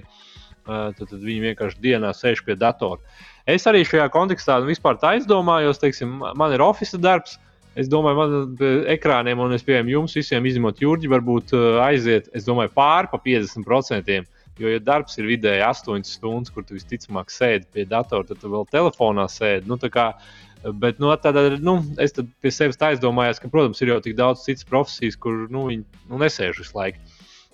Tā kā, jā, bet... termiņ, termiņš ir tam nu, izmantotājs tam, tam pētījumam, jo, pieņemsim, nu, es pieļauju, ka Covid laikā tas apjoms varēja būt vēl, vēl nu, lielāks. Visi sēdēja mājās pie, pie datoriem. Tā, te, tas ir. Nu, es pieņemu par 22. gadu. Vēl labs jautājums. Es saprotu, ka šis ir. Nu, viņš ir kā par 23. gadu. Uz 23. gadu es pieņemu, ka pa, pret iepriekšējo. Bet tā uz, uz ātrumu arī tagad skatos, tā nevar atrast. Es pieņemu, ka pagājušo gadu vai pa kaut kādu periodu. Jā. Tā kā tā, kā, tā, kā tā. Ants rāda tagad savu screen time. Nu, jā, tad uh, es saku, ja tev jau ir 5-6 stundu screen time, tad labi, tu paralēli sēdi datoram. Nu, tik smalki, es nezinu, kā viņi analizējuši. Bet nu, 6,5 stundas liekas daudz. Jā, tas ir interesanti. Diemžēl pa Latviju nebija, uh, bet Eiropā, ah, un vismazākais bija Japānā. Viņiem vispār ir 20,1 stunda pie ekrāniem. Tas ir vispār vidējais. Viņi tikai piek, piekto, piekto daļu no savas šī nomoda laika pavada pie ekrāniem. Jā. Tad vēl kas par, par Apple tēmām. Tad beidzot, tagad prezentēja HomePod janvārī, tad bija tāds bija izziņot funkcionalitāti, ka HomePod varēs saklausīt, kad ir nostrādājis dūmu detektors un aizsūtīt tev paziņojumu. Un tagad tas ir oficiāli beidzot strādājis. Es godīgi sakot, domāju, ka tas jau strādā no tā janvāra. Uh, jā, jau bija sound recognition. Un uh, aizmirsu ielikt screenshot, jā, bet tie, kas lieto, uh, kam ir varbūt homepads. Latvijā man arī tieši komentāros šodien kaut kas prasīja, tad pa lielam Latvijā nevar nopirkt, bet es iesaku to Vācijā paskatīties un, atsūtīt uz Latviju. Tad uh, vajag atjaunot home lietotni, jo viņi kaut kādas izmaiņas tur vispār ir veikuši. Jā, un tad viņi uzreiz parādīsies tas sound recognition.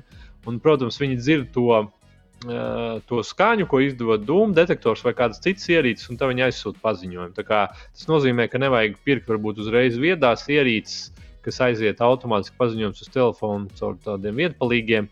Uh, un, un šitais ir izcinājums. Man gan jāatzīst, es nezinu, cik tas, cik tas droši strādā, bet uh, Apple kā atkal, protams, pasniedz kā to baigo funkcionalitāti, bet, nu, protams, kaut kādā mērā ir noderīga. Un, un tie, kas uztraucās par datu drošību, tad uh, skaņas atpazīšana notiks tikai pašā homepad. Uh, un, un ne, netiks kaut kur mākonī neglabāsies, jā, un tad attiecīgi tikai aizies tas uh, ziņojums. Un, un, un jā, tā, tā kaut kā šitais īsumiņā. Mm -hmm. Ok, labi. Uh, paldies. Ah, nē, es saprotu, viena ļoti svarīga lieta. Aizmirsu. Turpini kā jā, arvien vairāk pājos 17 parādās kaut kāda informācija, ko mēs runājām, tuvojoties arī izstrādātāju konferencei, tad iespējams, ka iOS 17 beidzot varēs ielādēt lietotnes ne no App Store, tātad caur citurienu. Tas īpaši aktuāls Huawei lietotājiem.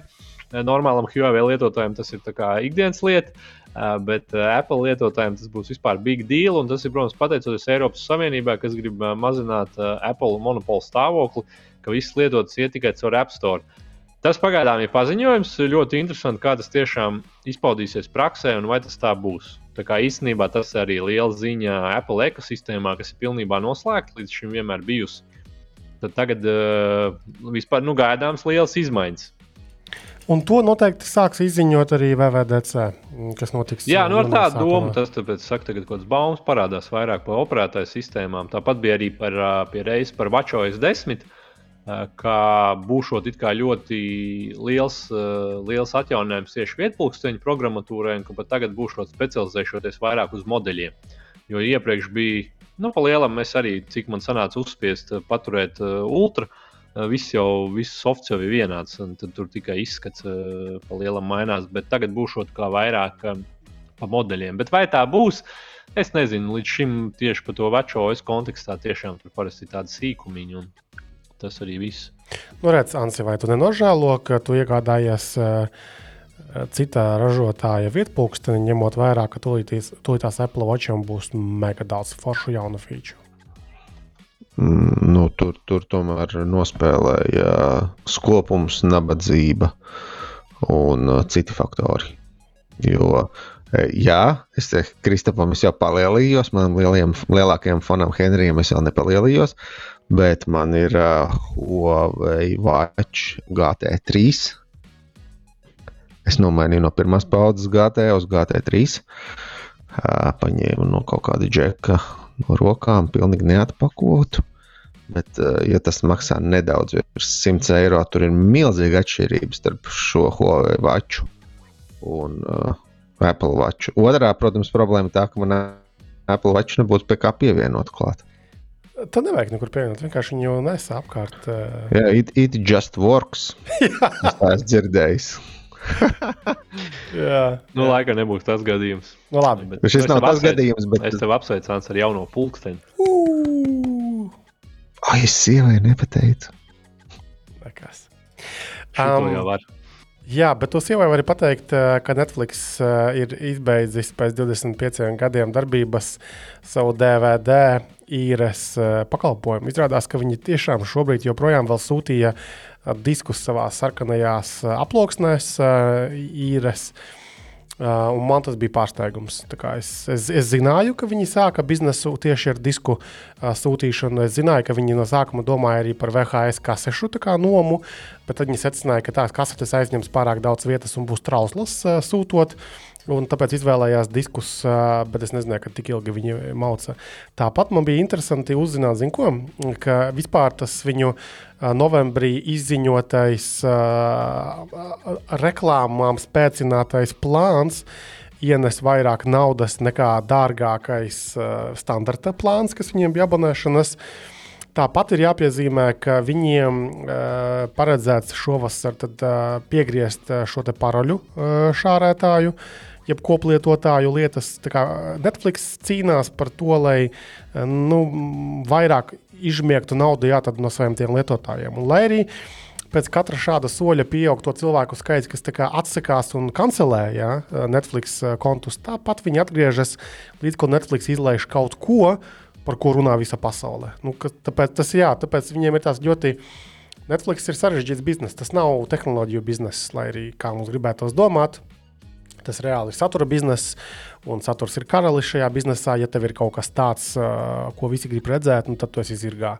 Ja tev nav, tad tev būs priekšā vēl piecas platformas, jo tagad katram sevi cienošam uzņēmumam ir kāda nebūtu video straumēšanas platforma, kas plēlam neko nepelna, tikai vieni vienīgi zaudējumi tiek nesti, bet nu, cilvēku uzmanību to, to var noturēt. Kā redzēsim, citu runājot par platformām, bija tas, ka nu, nebija mūsu tirguma aktuāls, bet uh, pirmo reizi, es nezinu, nevis pirmo reizi, bet Netflix uh, kaut kādā periodā, vai šitajā pirmajā ceturksnī gada, ir otrs populārākais traumēšanas servis, un pirmais Amerikā ir Amazon Prime. Mm, tomēr, ja. Jā, nu, droši vien tas viss at, atkarīgs no tā, kādu seriālu viņi palaiž. Un, un, un... Nu, tur arī to bija likts, jā, ka vienkārši nu, tur bija pa procentu. Burtiski Prēmam bija 21, un Netflixam bija 20. Pārējiem jau tur aizgāja krietni mazāk. Bet, jā, jā tur, tur, tur, protams, atkarībā. Nu, kā Kristaps teica, protams, Netflix kaut ko palaidīs, viņa uzaugs. Bet uh, fakts kā tāds, ka tāda tomēr tirgus daļa ir Amazon Prime Amerikā. A, kā ir ar to Prime? Vienkārši tā kā Latvijā nav pieejams tas Prime, manuprāt, tad Uh, tas ir tas pats prāms, kur tu vari dabūt bezmaksas piegāde vai kaut kāda superātrā piegāde. Tas kā zem prāma tiek pabāzts viss, gan saturs, gan shipping, visi šie foršie. Nu, Tāpēc, ka plāni ir. Es pieņemu, es arī precīzi nezinu. Mums varētu būt plāns, ja mēs tikai sūtītu. Nu, jā, arī priekš video. Gan jau ka kaut kāda plāna vēl pamainās, vai tikai sūtīšana, vai saturs plusā vēl. Bet, palielam, jā, kāds, kāds klausītājs var iekomentēt, mm, kā tas viss ir kopā ar ar sūtīšanu, ar Twitch, ar Vēlncīnu, kas vēl viņiem tur, tur aplīmēts ir apkārt. Bet es domāju, lielos vilcienos tā. Mm. Ok, labi. Vēl viena tāda interesanta lieta, ko mēs šodien pamanījām, jo atsūtīja DPD preses relīzi. Tātad viņi ir Rīgā izveidojuši gaisa kvalitātes monitoringa programmu.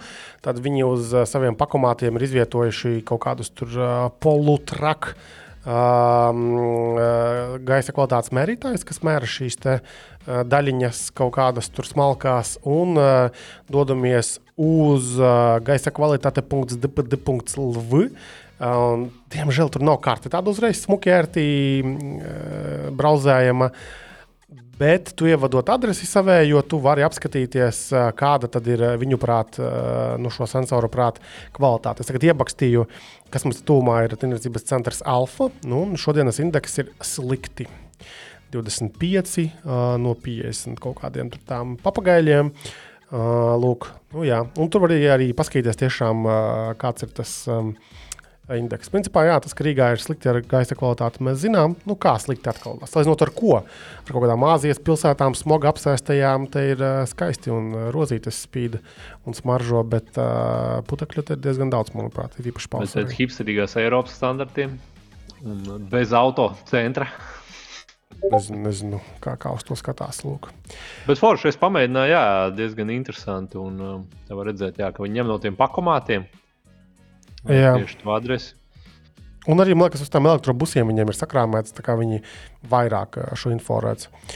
Uh, mēs runājam par to, ka Omniva testē saules paneļus uz uh, vismaz viena uh, pakomāta. Bija, bija ziņa pirms vairākām nedēļām sadarbībā ar Tēti, ja nemaldos. Uh, viņi bija kaut kādā ļoti ezotēriskā vietā, ne te kā kauguri, ne te, ne, ne te vangaži, kaut kur no šīm interesantiem. Es viņus mūžīgi jaucu, piedodiet, lūdzu, gan viena, gan otra puses iedzīvotāji, bet jā, viņiem bija viena pakamāta uzkrāvēta augšā. Diezgan interesanti paskatīt, tas viss uzparikt ar tiem saules paneļiem. Man liekas, totāli jēdzīga lieta. Nu, cik tu tur noteikti? Mēs taču mums bija intervija ar Omnivas pārstāvi. Tur nav nemaz tik daudz tās aparatūras iekšā. Gan jau, ka var nobarot arī kaut, kā, kaut kādā brīdī. Vienīgais tas, ka tie pakomāti parasti stāv pret sienām kaut kādām. Tas nozīmē, ka tas uh, saule arī tur nevienmēr ir ērti pieejama. Starp citu, Tie, tieši to, to gribēju teikt, ka parasti jau viņi tu, tomēr tādās noēnotās vietās ir, ir ielikti. Bet Jā. man ir viens, viens praktisks dabas nu, aizrādījums, tā kā Omnivu izmantoja diezgan bieži. Parasti sūtot paciņu, nu, man ņemot vērā, ka man mājās nav printers, tad es parasti nu, tā kā tur, uz, tur uz vietas to uzlīmi tā kā izprintēju. nu, Viņiem, viņiem nav, nav, nav nu kā. Tu paņem to uzlīmīti, uzlīmē, un tev paliek papīrs. Un viņiem nav miskastīte blakus. Tev ir Ieliec tajā pašā. Ieliec kopā ar savu paktu iekšā. kur, kur, kur, kur, kur tu viņu liksi. ha, pakomātā par to- iekšā. Nu, jā. Man liekas, par to, to nav padomāts vienkārši. Tas ir ļoti atkarīgs jā, no. Bet labs jautājums. Tad, bet kā tu to iedomājies? Tajās vietās, kur nav teiksim, blakus kaut kāda rimčiki vai, vai kas ar, ar misanēm viņu, tad tiem kurjeriem būtu jānodarbojas ne tikai ar, ar šo te ar pac, paciņu. Salikšanu, izņemšanu, bet arī ar miskastes maisu turēšanu, iztukšošanu. Jo tur jau nebūs tikai lapiņas. Tur cilvēki, latvieši, latvieši praktiski, taču tur sametīs reāli visu, ko var samest. Tās, tās nelipīgās lapiņas, tās krītpapīra lapiņas, es nezinu, kas tās ir. Tās nav pārstrādājamas, visticamāk. Līdz ar to tur var mest visu. nu, Ieteicams dedzināt. bet, tad, bet, bet tad kurjeriem ir darba aprakstā, kas ka viņš arī tā kā atkrituma apsaimniekošanu Un nodarbojas. ugunsdzēsējs, jā. Viss Un pieņem dzemdības. Ejam Nu, tā tālāk. ir- Nu, šī, šī ir nēsoša problēma uz, visa, uz visu pārējo problēmu. tā ir absolūti Mēs brauksim nesoša problēma, bet es parasti vienmēr aizdomājos par to. Bet tad, uh, labs, labs, jā, labs. Mazbērni dzīvos uz Marsa un beidz tas vienalga. Paņem, iemet, iemet ūde, upē vai iemet mežā vienalga. Tā ir lapiņa problēmas. Ir, jā. um, atpakaļ pie Elma Musko. Uh, Elma Musko izdomājis taisīt savējo GPT versiju, respektīvi lielās valodas modeli. Un, man smieklīgi lasīt, bet tad viņš izdomājis, ka viņš viņu nosauks par Truth GPT, jeb patiesības uh, GPT, šo chatbotu. Un, uh, nu, kur ir maskas, kur ir patiesība. Uh, Tru- specs. Truth, tur nebija šitam te rižējam uh, Amerikas bijušajam, bijušajam prezidentam. Domā, nu, jau, Mērķa kungam. jā. Ah, pagaidiet, bet nopietni. Viņam taču bija tas bija tīkls, Truth social vai kaut kas tāds. kas, protams, neaizgāja un, un, un, un tā. Bet, uh, nu jā, nu jā, tā tad uh, Maskas I'm going to start something which you call Truth GPT, a maximum truth seeking AI that tries to understand the nature of the universe. Diezgan smieklīgi, bet nu, lai ņemās. Bet atkal kontekstam mazliet iedodam. Tad senos laikos, tad, kad sāka veidoties OpenAI organizācija, tā ir tā, kas veido šobrīd šos slavenos chat GPT 3, 4 un ar Microsoft sadarbojas un tā tālāk un tā joprojām. Masks taču arī tur bija tajā tēmā iekšā un viņš taisījās izpirkt šo uzņēmumu, bet uh, viņiem pateica, Computer says no.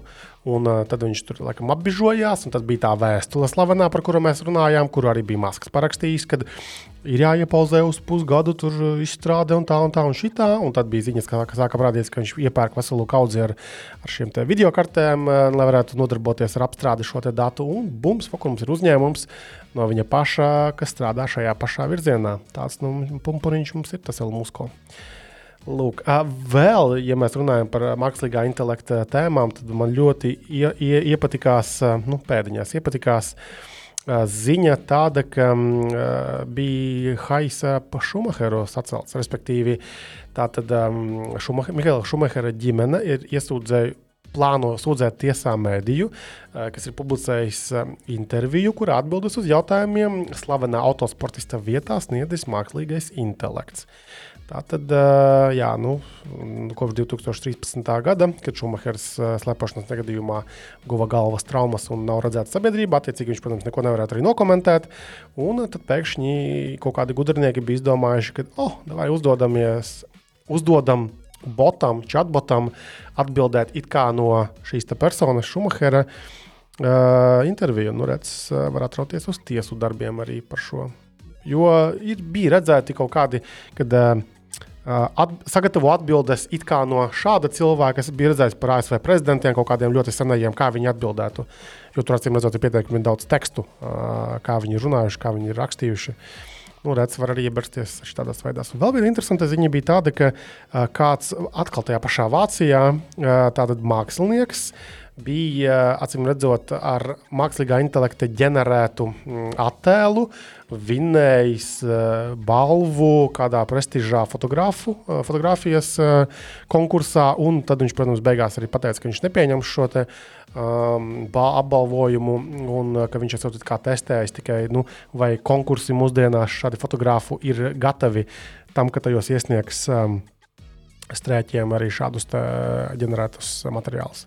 Starp citu, mums pieteicās arī viena dizainere parunāt par to, kā šis mākslīgais intelekts un, un šie risinājumi ietekmē dizaina un, un, un fotografijas jomu. Un mēs tikai ar laikiem vēl nespējam vienoties, bet es domāju, ka tuvākajā epizodu laikā mums būs saruna arī par šo tēmu, uh, kurā, es domāju, būs interesanti uzzināt visiem tiem mind journey un, un kas tik vēl tur nav uh, no šiem Bet rīkiem. tā nav tā, kur Jānis ir parādā padomu pa monitoru.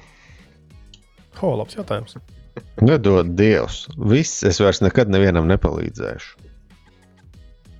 Mums tikai, ja? Pilnīgi, pilnīgi nekad tur liet, lietas uz rokas, sirds, skaties acīs. Jā, jā pionieris uz, tur, nezinu, tur guļ uz, uz zemes, viņam brauc virsū smagā mašīna. Nē, visi vecenītei tur kaut kādas problēmas ar kaķi. Nē. Visi labi, kā tur bija ceļš uz zēli, bruģēts labiem nodomiem vai kaut kas tāds. Mhm. Aizmirstiet, viss. Ok, labi. Bet, jā, nu, katru nedēļu ir kaut kādi jaunumi arī šajā jomā. Uh, reku, uh, reku, reku arī Eiropas Savienība tur kaut ko, mm, kaut kādu chat GPT task force izveido. Nu, tā kā visi kaut ko tur ņemas, darās. Uh, Google ir paziņojis, ka viņi it kā taisa uh, AI powered search engine. Katrs kaut ko tur ņemās un knibinās un dara. Un, un mēs kā lietotāji mēģinām saprast, vispār, vai mums vajag kaut ko no tā visa vai nevajag. Tad ir tādi, kas nedomā, bet vienkārši izmanto un, un ģenerē visu, ko vien var ģenerēt. Un nesaprotot, un vai saprotot. Es pats mēģināju šodien sākt strādāt, uh, izmantot darbā, šeit GPT, bet bija tik daudz darba, ka es netiku līdz tam. Bet dažas idejas kaut kādas tur varēja uzmest. Nezinu, piemēram, uh, iesaki man um, noteiktā jomā, tur uh, webināru idejas tēmām. Nu, tur pieteica kaut kādas 20 tēmas, no kurām loģiskas un tādas, eh, par kurām es biju aizdomājies, bija kādas, nezinu, tur 17, bet 3 bija tādas, ka ah, arī šī tā var. Nu, tāpēc es nevaru teikt, ka bija pilnīgi bezjēdzīgs tas viss pasākums. Varbūt arī vajadzāk, vajadzēs nākotnē vairāk izmantot, it īpaši tekstu rakstīšanā kaut kādā, jo English nav mums te neitīvs nevienam. Labi, eh, vai ir vēl kaut kāda tēma, kas mums noteikti ir jāizrunā, eh, vai sākam lēnām garā apaļoties? Tikai par apskatiem droši vien. Jā, par apskatiem. Starp citu, vakar es uh, pakomātiņā saņēmu, ziniet, ko es saņēmu? Uh, austiņas Nothing Ear 2. Uh, it kā man bija doma viņas sūtīt Jurģim uz apskatu, jo viņam bija tās iepriekšējās, bet es nejauši izpakoju un uh, iesprādu ausīs. Um, pirmie iespējas ir tādi, ka ir fifīgas, uh, fifīgas produkts, tā kā tiešām tie caurspīdīgi korpusiņi. Nu, jā, eh, tas, ko Jurģis noteikti jau māja ar galvu, jau kadrā es redzu, jā, kad, vot, kas māca dizainus un tādus uh, ierīces un produktus, kas ir atšķiras no tās masas ar pārējām. Nu, nothing is prot. Nu, tu saki, ko gribi, bet tur ir stilīgi. Uh, un, um, Tālāk, tad, protams, bija interesanti pavērot, kā viņi programmatūru sataisījuši. Es teiktu, ka tur diezgan ir pārdomāts arī dizainā. Nu, Fifīgs dizains, tur tam uh, X vai kā viņi tur saucās, tā, tā lietotne austiņu ir.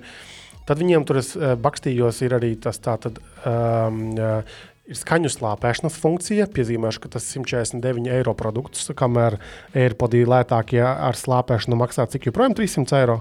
Nu, dārgi maksā. Joprojām. jau vairāk nekā tā, nu, otrā paudze. Jā, tagad. Jā, nu, ļoti dārgi.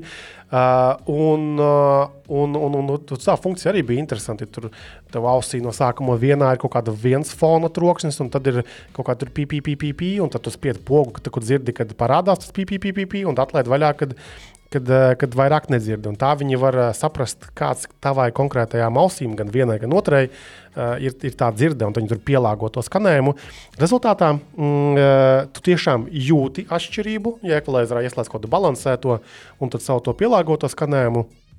Tiešām ir uh, tāds sulīgāks tas skanējums. Man kopumā tās austiņas nelikās baigi skaļas, uh, bet, uh, bet neskan slikti. Nu, tā kā nesliktāk par tiem pikseļiem, kas man Bats Pro ir, bet krietni vienkāršāk ieņemamas, ieņemamas no ausīm un ieliekamas ausīs, jo viņiem ir tādas mazākas kaiņas, tā kā AirPods uh, Pro. Nu, arī parastiem AirPodiem tagad jau arī. Uh, Tā kā ļoti foršs, fifīgs produkts, jāpaklausās, kā viņš tur darbosies uh, laika gaitā. Bet, uh, jā, tas, tas ir apskats, kas mums vēl būs par to video kartī, kā jau Vans minēja, 40, 70 bestijai. Uh, es joprojām gaidu uh, Intel Arkam tos driverus slavenos jaunos, kuri mainīs visu. Bet nav Tie jau betas, betā Ah, šobrīd betā ir tikai. Nu, labi. Betā, jā. tad, tad vienkārši jāgaida, kamēr tur salauzīs visu ar tām betām. Um, tad uh, gan jau, ka tas uh, Dream, Dreamy uh, robots uh, lielais būs apstrādāts Ansim, tas, kurš lupatiņu O, pazaudēja. jā, tas, tas ir. Joprojām rada prieku tev, Tas ja? tiešām ir drīm. Bet uh, cena, draugi, cena. Cik viņi maksā? Uh, nu, kā kurā veikalā, bet uh, starp uh, tu, nu, tu, 1050 Ugh, un uz augšu. Tur jau iPhone sanāk Jā. kaut kāds no pirmā svaiguma. Jā, un to mēs no, Xi- no Xiaomi mēs to negaidām. Jā. Šitā. Tālāk tad, uh, pie um, Jurģa ir uh, strēķītis ar uh, Samsungiem. Tātad Samsung Galaxy A14, Samsung Galaxy A35. Nē, stop. Kāds 34? Ja? Samsung, Samsung Galaxy A14 5G. Uh, nu, tas ir jāpiemina, Jā. jo viņiem ir arī atšķirīga versija uh, bez 5G. Uh, tad ir uh, Samsung Galaxy A34 un Samsung Galaxy A54. Nu, tātad visi tie jaunie, nu, nevar teikt, budžeta, budžeta un vidējās klases uh, ierīces. Un tagad mēs diskutēsim, kurām no viņām taisīt apskatus. Um, Noteikti apakšējai, tā ir 14. modelim, noteikti 54. un par to 34. Nu, izdomāsim. Mēs arī zinām, neesam bez izmēra budžetā. Bet komentāros pie šī podkāstu kursorā droši arī pakomentē, ja tu saki, ka vajag noteikti arī pilnvērtīgu apskatu arī 34. modelim. Bet tu jau sāki, kuru 54. bakstīt. Ja? Pirmie iespēja varbūt kaut kāda tev ir par tiem telefonu. Pirmie iespējas man, man tīri labi patīk tas Sa- Samsung jaunais dizaina plāns, ka iespringstam tikai un vienīgi uz Galaxy S sēriju, un tad pārējiem vietāluņiem arī vidējai un budžeta klasē štāncējam vienādu to dizainu. Bet uh, tas ir, tas ir di- diezgan forši, jo, jo, jo ir, ir uh, re- reti kuram uh, ražotājam īstenībā tā, tā dizaina valoda patiešām ir tāda atpazīstama, šoreiz ar to minimālismu viņi, man liekas, ir trāpījuši diezgan labi un forši, kas man tīri labi patīk. Uh, Dzelžu līmenī ir uh, skaists ekrāns, bet nu, uh, neko citu no Samsung mēs arī negaidām. Ja reiz Samsung paši uh, AMOLED ekrānus ražo, ir uh, tīri labi stereo skaļrunīši, ir tīri labas kameras. Bet līdz mēs nonākam uh, pie veiktspējas, tur, nu, tur ir interesanti un tur jums būs ko palasīties. Un, un, uh, un, un, un te, te, te, te, te patiešām es īsti lāga nesaprotu, jo pirms diviem gadiem uh, Samsungs izmantoja Qualcomm procesorus, un ta, tur patiešām viss ar veiktspēju bija kārtībā. Tam pašam A34 arī paskatoties, viņš izmanto Mediatek ā, procesoru, un, un tam veiktspēja ir tieši tāda pati kā jau uh, uh, reklāmā pieminētajam uh, Redmi Note 12 uh, Pro 5G. Un arī tur, tur tu redzēji diezgan labi, labu ikdienas darbību, diezgan plūstošu. Cik no vidējā klasē viņi var būt, un, un nav, nav izteikta karšana. Savukārt, tam dārgākajam modelim, kuram izmanto Exynos procesoru, tur ir gan buksēšana, tur ir gan karšana, gan viss kaut kas. Nu, tur, tur es nezinu, man, manuprāt, Samsungam tomēr ir vajadzētu mācīties no tām kļūdām, jo pa, pagājušajā gadā Ansis jau, jau testēja, ja nemaldos, A53, 5G, un tur bija baigi čābīgi ar to procesoru. Tur viņš, nu, tur, tur spēles nevarēja paspēlēt, man liekas. Neko. Ļoti labi. Neatceros. Neatceros, bet es, uh, protams, nevaru just, ka mums ir izdalīta Samsung telefona. Bet, uh, tā tad uh, es gribēju, ko es gribēju sacīt, ka uh, sūdz par mediateku. Es esmu liels mediateku fans, jo tiem tiešām pēdējā laikā iet diezgan labi ar uh, nesilšanu. Bet Samsung, cik es, es gan šo, šogad neesmu skatījies, uh, man nav bijusi vajadzība. Bet Samsung šajā lēt, nosacītā lētajā galā, protams, ir viena no retajiem vai gandrīz teju vienīgie pie mums pieejamie normālie vietāluņi, kuriem ir normālās cenās optiskā attēla stabilizācija galvenajai kamerai. Un man tas Un- šķiet, un tas piln- ir milzīgs, un, vienkārši milzīgs. Milzīga atšķirība tā ir starp pārējiem. Jā, tev ir kas Xiaomi. ap- Absolūti piekrītu. Un, un viena no retiem, kam ir pilnvērtīga ūdens IP67 aizsardzība uh, telefonam, kas neizskatās pēc tanka. Ok, labi. Tad uh, izskatās, ka viedokļi jau ir koši uh, par šīm te jaunajiem telefoniem. tā kā Tur apskati būs drīzumā. Nu, jā, tad, protams, uh, jātiek galā būs ar tām austiņām arī, uh, un arī ar to robotu logu tīrīšanas. Kur es jau apskrāpēju pret balkona sienu, kur es secināju, ka viņš nav baigi nasks. Uh, un uh, ka jā, apskatā drīzumā būs gaisā. Labi, tad um, paldies, uh, kungi, par dalību šajā epizodē. Uh, esam pat iekļaujušies saprātīgā laikā. Uh, paldies, darbie klausītāji, ka klausījāties mūsu un tiekamies jau pēc nedēļas. Atā, atā, atā.